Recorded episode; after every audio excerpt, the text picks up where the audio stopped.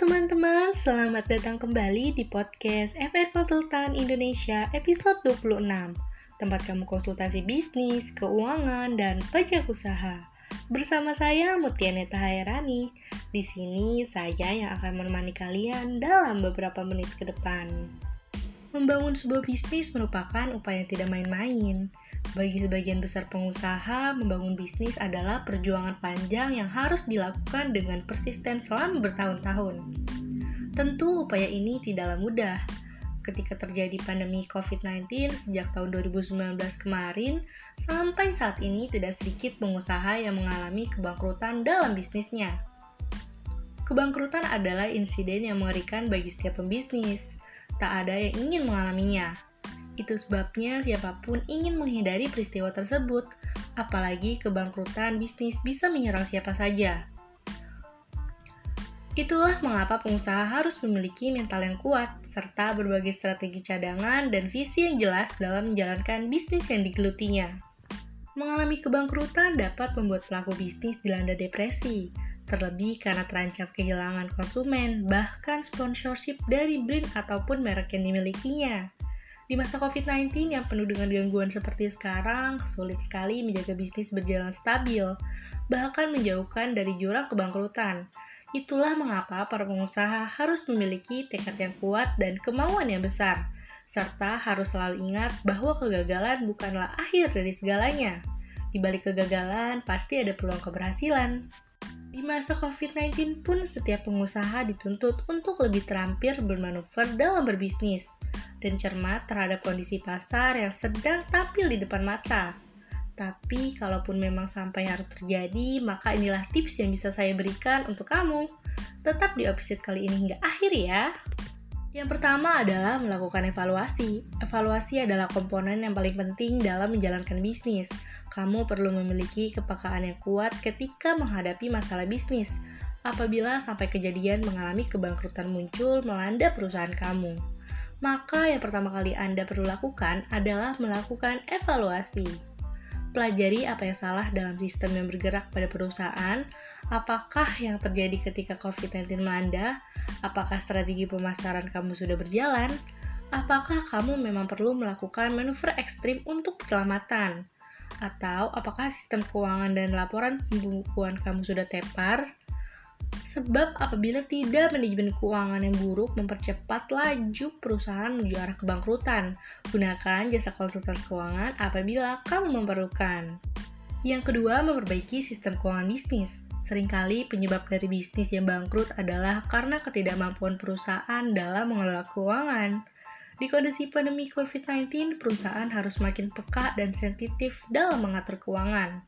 Tunda berbelanja yang tidak penting dan tentukan dengan menggunakan skala prioritas.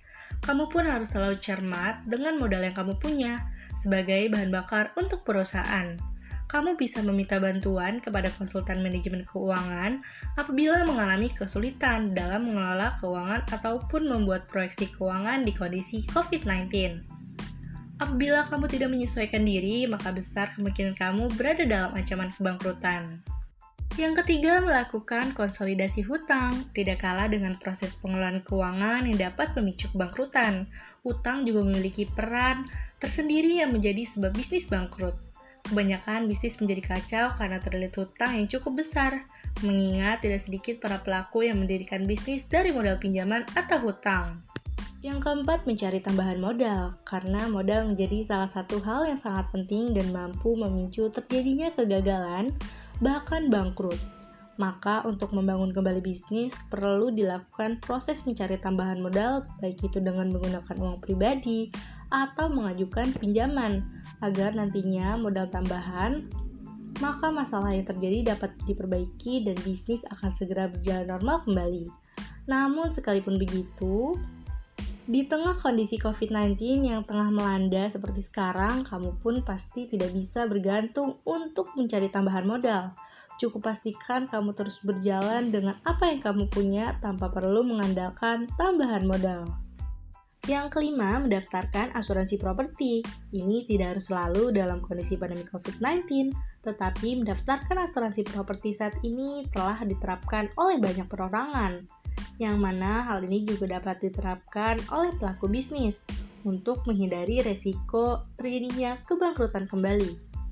Hal ini karena ada kemungkinan bisnis bangkrut tersebut terjadi karena tertimpa musibah, seperti kebakaran, sehingga menyebabkan kerugian materi yang sangat besar. Untuk itu, dengan mendaftarkan bisnis pada asuransi properti, maka ketika terjadi hal buruk seperti itu tidak akan memberikan pengaruh besar bagi bisnisnya. Yang keenam, memulai membangun bisnis sederhana. Bangkrut tidak mampu menghentikan bisnis yang telah dijalankan. Untuk itu, jangan menyerah begitu saja. Jangan biarkan kondisi COVID-19 membuat kamu berputus asa hingga menyerah dalam berbisnis. Mulailah untuk membangun bisnis yang sederhana dari awal mengikuti situasi dan kondisi terkini. Belajarlah untuk dapat cepat beradaptasi. Dengan modal dari bisnis sebelumnya, cukup mampu membagikan bisnis yang telah bangkrut menjadi sukses, bahkan lebih sukses dari sebelumnya. Seperti misalnya ketika memiliki bisnis pakaian baju dengan toko yang besar, maka dapat membangun bisnis dengan memanfaatkan beberapa ruangan di rumah untuk berbisnis pakaian tersebut yang nantinya hasilnya dari bisnis itu dapat digunakan untuk membangun kembali toko pakaian dengan ukuran besar. Bagaimana? Kira-kira menarik nggak pembahasan kali ini? Terima kasih telah bergabung dengan saya untuk episode 26 mengenai 6 tips membangun bisnis yang bangkrut akibat pandemi. Untuk mendapatkan lebih banyak tips dan trik tentang bisnis, keuangan, dan pajak, kalian pantau terus ya podcast FR Konsultan Indonesia. Dan tunggu updateannya di Instagram at FR Konsultan Indonesia. Oh iya, kalian juga bisa konsultasi gratis loh selama 20 menit pertama dengan menghubungi nomor 0813-8228-9991 atau mengunjungi website kami di frkonsultanindonesia.com.